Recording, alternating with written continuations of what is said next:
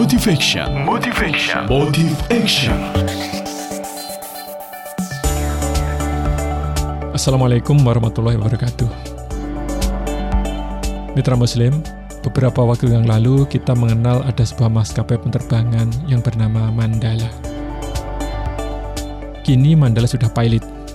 Pilotnya ini adalah setelah dibeli oleh Saratoga Investment, sebuah perusahaan investasi.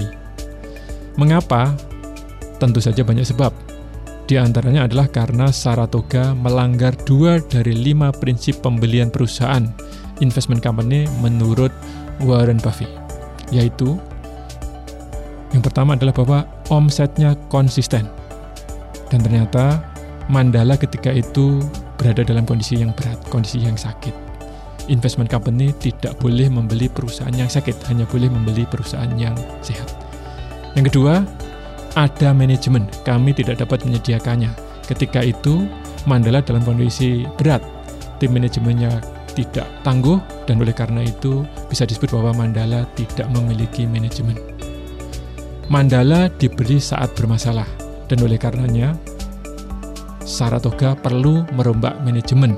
Tapi Saratoga sendiri adalah sebuah perusahaan investasi yang tidak punya kapasitas untuk mengelola sebuah maskapai penerbangan. Mitra Muslim, mendefinisikan jati diri adalah wajib bagi sebuah perusahaan.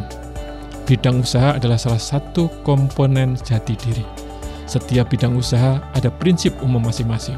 Seperti tadi, perusahaan investasi juga punya prinsip-prinsip dalam meletakkan uangnya, meletakkan investasinya. Saya Iman Supriyono dari Sarapan Pagi Persembahan SNF Consulting untuk Suara Muslim Radio Network. Assalamualaikum warahmatullahi wabarakatuh.